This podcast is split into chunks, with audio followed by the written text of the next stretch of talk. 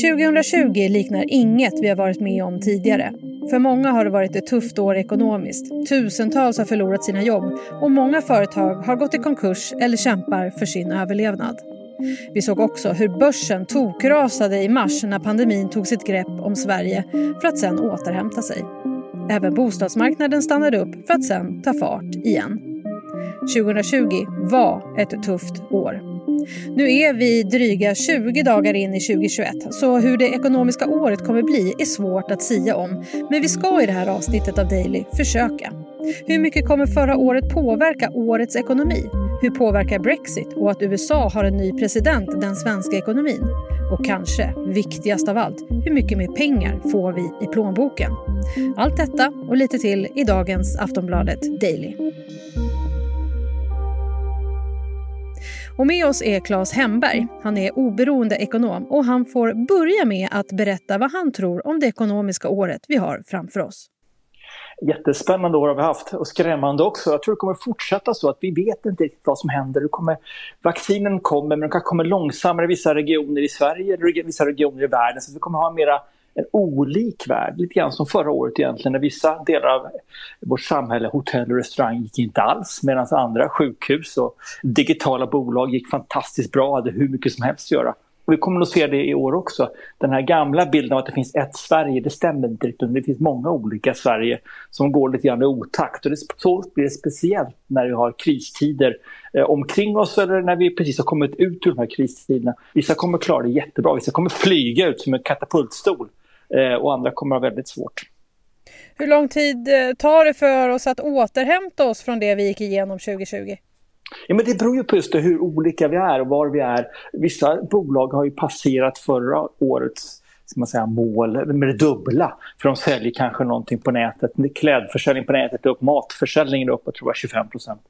Alltså näthandeln har gått fantastiskt bra, nätspel har gått bra. Jag jobbade med vård, Kry, alltså vård inom, på nätet ger också väldigt bra eh, eh, har vuxit väldigt, väldigt bra. Medan andra branscher kommer behöva lång tid på sig. Men jag tycker också att det är bra exempel som restauranger som ställer, ställer om till att istället för att sälja i butik säljer de på nätet. Så det finns ju olika sätt att ta sig framåt och anpassa sig. Och jag tror att vi kommer lära oss mycket av 2020 och eh, vi kommer förändra hur vi jobbar, jobbar mycket hemifrån och, eh, och det kommer förändra hur samhället funkar och vi kommer att eh, se vissa har problem, vissa kommer ha det mycket, mycket lättare. Så det gäller bara tror jag, att i sin egen lilla värld, på sitt jobb eller vart man nu är, försöka tänka om och tänka nytt och tänka hur ska jag göra det här bättre än vad jag gjorde förut. Vad ser du som oroar på längre sikt? Du tänker ekonomin eller tänker på vaccin? Och, eller den Nej, biten, jag tänker eller? på ekonomin här nu. Ja, just det. Nej, men, eh, arbetslöshet är jättekomplicerat. Många ungdomar har förlorat jobbet på grund av handel, alltså alla ICA-butiker andra som har haft problem.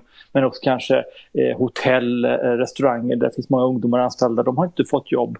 Eh, så att, att alla, det finns en stor ungdomsgrupp som skulle ha kommit in på arbetsmarknaden och inte gjort det. Och då måste vi inspirera och säga, men du kanske måste plugga lite programmering, för där finns det mycket jobb som helst. Eller du kanske ska plugga lite eh, ska man säga, eh, datateknik, alltså hur man tar hand om datacentraler. De behövs också eh, i stor omfattning. Så leta efter nya slags arbetsmarknader som måste hjälpa ungdomar att göra. Eh, sen kommer vi se vissa omflyttningar också, vart vi vill bo någonstans. Det är inte lika många som vill bo i centrala Stockholm utan, eller centrala Göteborg. Man kan tänka sig bo på pendelavstånd för folk kommer kanske jobba hemma två dagar i veckan. Så ett sånt kommer också förändras, eh, hur, vi, hur vi beter oss. Och, och, det blir spännande att anpassa sig till men också i vissa fall man kanske man flyttar eller man kanske får ändra sitt sätt att leva. Man kanske behöver ett, ett skrivbord till hemma. Eh, ja, det, det, det, är en annan värld vi lever i. Men vad jag, jag är mest optimistisk kring, det tror jag vi såg i tidningarna häromdagen bara, eh, det handlar om elektrifieringen kanske låter komplicerat och konstigt. Varför är det så viktigt? Jo, men vi har sista ungefär 150 åren i Sverige levt och använt eh, bensin, kol, alltså vi har fossila bränslen som vi har eldat upp. Så har vi levt vår ekonomi i 150 år. Och nu ska vi byta till elektrisk energi. Vi ska, vi ska sluta bränna, vi ska istället ha vindkraft och solenergi framförallt, men också lite vattenkraft förstås vi i Sverige. Eh, och den här förändringen kommer staten satsa ungefär 1200 miljarder på. Det är, så, det är så mycket pengar så att det går inte att förklara. Det är liksom hur mycket som helst. Och, och där finns ju mycket jobb. Allting från att eh, om du ska skruva upp elstolpar till eller elledningar, jag vet inte alla yrken som finns här, chaufför på ellastbilar. Allt, allt det här behövs. Så det finns ju väldigt mycket att göra, även om det inte kommer närmaste halvåret. Så de närmaste åren så kommer vi se en jätteförändring mot elektrifiering som man absolut kan fundera på om man vill vara med i eller om man vill hoppa över. Förra året så var det mm. ju rejält svajigt på börsen. Den mm. rasade mm. och den steg och det var svajigt emellanåt. Vad tror du kommer hända på börsen i år? Jo, men börsen är, är en annan varelse. Ekonomin är osäker och ojämn och kommer ha liksom sina motstånd här framöver eh, på grund av arbetslöshet men också vissa marknader som förstörs och måste bygga om och tänka om. Men ekobörsen den, den är mera, tittar mycket längre fram i tiden. Den blev väldigt rädd eller orolig när vi fick ett virus över oss som vi inte visste när skulle ta slut. Så därför föll börsen ungefär 35 procent på bara två, tre veckor, vilket är väldigt mycket. Men nu är den tillbaka, så det, det har vi lite grann glömt och förlåtit. Och nu är mera frågan, kommer det här vaccinet, eh, eller vaccinen, kommer de ut i tillräckligt snabb takt? Jag talade med en vd här bara förmiddagen. Han säger att det är först under, om ett år så tror jag att det är helt tillbaka. Och andra hoppas om ett halvår. Och det där kommer att vara lite start och broms. Vi kommer se lite överraskningar på vägen. Vissa bolag kommer ha svårt och andra kommer hämta sig snabbare. Eh, så så det kommer att vara lite ojämnt, men inget ras på 30 igen. Utan nu kanske vi kommer få ett hack på 5 då och då. Men ekonomin hämtar sig och, och, nu ska vi liksom växa vidare. Och Sverige har klarat sig bra under den här krisen. Vi är en liten ekonomi, mycket export och duktiga på att digitalisera. Så att våra svenska företag mår väldigt bra. Så det finns ingen anledning att tro att vi ska få broms igen. Det tror jag absolut inte. Så inget liknande fall som det som vi såg i våras? Nej, nej, inte alls. Utan nu bara lite krusningar på ytan i så fall. Så att, eh, har du sparpengar så ska de vara på börsen, det är helt uppenbart. Och sen kanske du inte ska toppa in allt på en gång utan ta lite grann i taget så att du inte eh, som man säger, blir överraskad av att det kommer någon tråkig nyhet här nästa vecka och börsen går ner 2% eller 5 för det kan den göra ändå. Alltså vanliga stöket om man så vill. Men vi har ingen mer kris framför oss just nu. Utan vi kanske får en kris genom 5-6 år när vi har andra frågor som vi måste ta oss igenom. Men just nu så är det tvärtom, låga räntor. Staterna runt om i världen satsar pengar för att få igång ekonomin så att det, det ser lovande ut på börsen.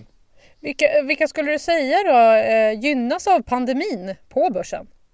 Om jag tänker på företag och organisationer och sånt. Ja, ja vilka går jo, men, bra helt enkelt? Jo, men ja, vi har väl sett till exempel när vi flyttar ekonomin ifrån möten till eh, ett ställe att göra på nätet så blir det ju de som är då teknik, tekniker, tekniker till, kring det här, molntjänster till exempel eller, eller datorer eller telefoner eller spel, allting som har med digitala tjänster att göra gynnas ju av det här att lyssna på bilder, vad heter ljudböcker eller eh, köpa tjänster på nätet, kläder eller mat, vad det kan vara. Allt det där har gynnats. Eh, Medan förlorarna är då tvärtom motsatsen, hotell, eh, resor, eh, restauranger. Så det är det här som vi har sett, det fortsätter i samma anda, men hotellen kommer tillbaka, men inte så snabbt som vi kanske hoppas, kanske tar ett eller två år innan de är tillbaka. Eh, men, men eh, de här trenderna vi ser kommer ju fortsätta. En trend vi har sett också i år det är de här gröna bolagen, vindkraft och solenergi, Eh, el, elkopplade verksamheter på olika sätt, batterier och eh, laddstrukturer och sånt. Och de kommer också gynnas, men det kommer ju vara mer ojämnt. Ibland kommer det mycket pengar, ibland så ångrar sig investerarna och drar bort pengar. Så de här eh, ska man säga, vinnarna, förra årets vinnare, de kommer säkert vara lite mer ojämna i år. Det kommer inte vara lika säkert, det kommer bli mera eh, ja, ojämn resa för dem. Men det är bra på lång sikt. Jag tror absolut att vi behöver molntjänster framöver och vi behöver våra mat, mat på nätet och sådär, absolut. Sen är det så här, vi har precis sett eh, Joe Biden sväras in mm. som president i USA. Hur kommer det här, hur kommer han påverka, inte han, han personligen, men hur kommer ja. det påverka vår ekonomi? Det är jättebra. Och det säger jag inte för att jag är demokrat utan det säger jag för att ha en president i ett land land som är så stort och betydelsefullt, en president som är förutsägbar. Som agerar som andra politiker som talar utan att förnedra människor utan bara kan liksom säga vi kan samarbeta i Europa och USA, bra, det är jättefint istället för att liksom, eh, skicka fula ord om varandra. Det, det, så funkar inte världen, det funkar inget bra. Så de här fyra åren vi har haft har varit väldigt oroliga, helt i onödan, bara för att de har haft en president som inte kan hålla sig till som man säger, traditionella spelregler, som spelar cowboy. Så att nu blir det mer förutsägbart och det, det är bra, det blir mycket lugnare, det blir lättare att planera för företag och för stater och för sjukvården och allt det här. Bara coviden blir lättare att hantera när man har en, en part i USA som man kan diskutera med. Så att det, han var, WHO fick ju senast idag besök av Fauci, han deras smittskyddsexpert, deras Anders Tegnell. Han var på Världshälsoorganisationen idag och föreläste kring USAs arbete. Så att det, har ju hänt saker bara det sista dygnet.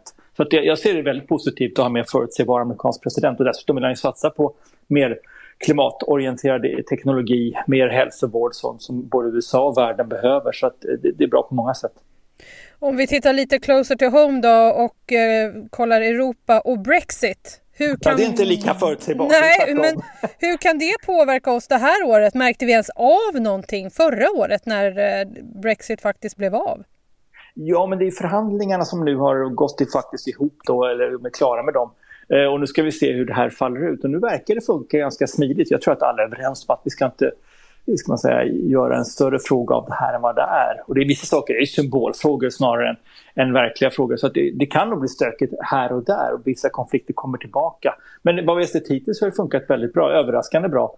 Eh, så att den här oron som vi hade för fyra år sedan när de röstade ut sig första gången, den kan man ju säga just nu var väldigt överdriven. Men det så är väl alltid när, när någonting händer som man inte har varit med om tidigare eller tänkt på tidigare så blir man spontant lite orolig. Men sen så genomlever vi det här också. Så jag skulle säga att det, av den här hönan, Brexit, så blev det inte mycket mer än en fjäder. Och det kommer nog inte vara så mycket längre framöver heller, även om det känns os oförutsägbart.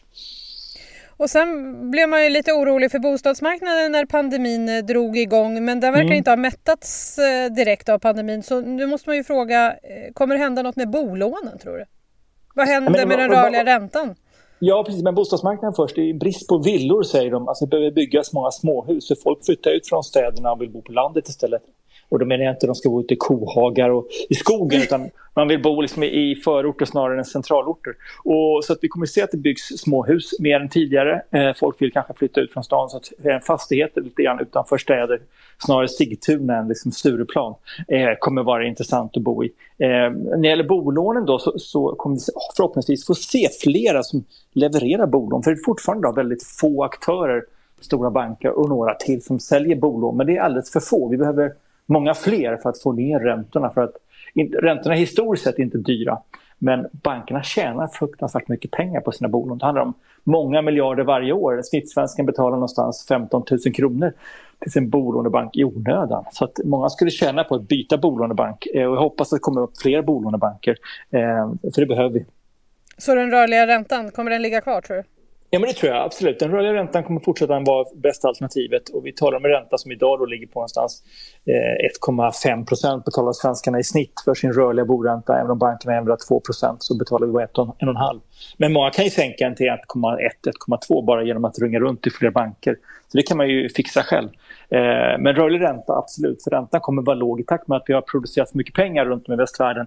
Så kommer liksom räntorna hållas nere på banan säkert 5, 6, 7 år. Det finns de som spekulerar i inflation, alltså prisökningar och det skulle trycka upp räntan. Men det är väldigt svårt att se vad det skulle vara. Det, liksom det, vi har ett samhälle som priserna hålls nere för vi har väldigt effektiv ekonomi. Konkurrens gör att det är väldigt få som kan sälja saker dyrt som inte är väldigt exklusiva. Utan det är väldigt, väldigt lätt att hitta saker, produkter, tjänster som är billigare och det gör att ekonomin hålls på mattan. Och Claes, vad händer i min plånbok? Får jag mer pengar i den? eh, Kanske inte just min, men du fattar. Det får vad du jobbar med.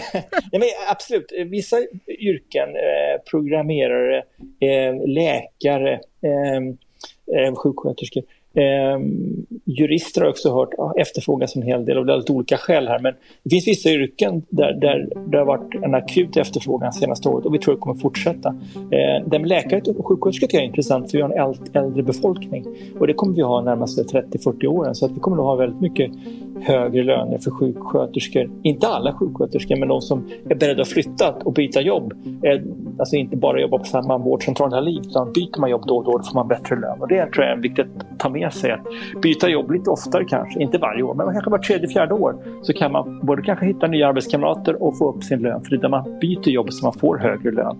Hur tråkigt det än låter. Det är som man byter bolånebank. Ju oftare man byter ju lägre ränta. Ju oftare man byter jobb ju högre lön får man oftast. Så att det är inga generella löneökningar.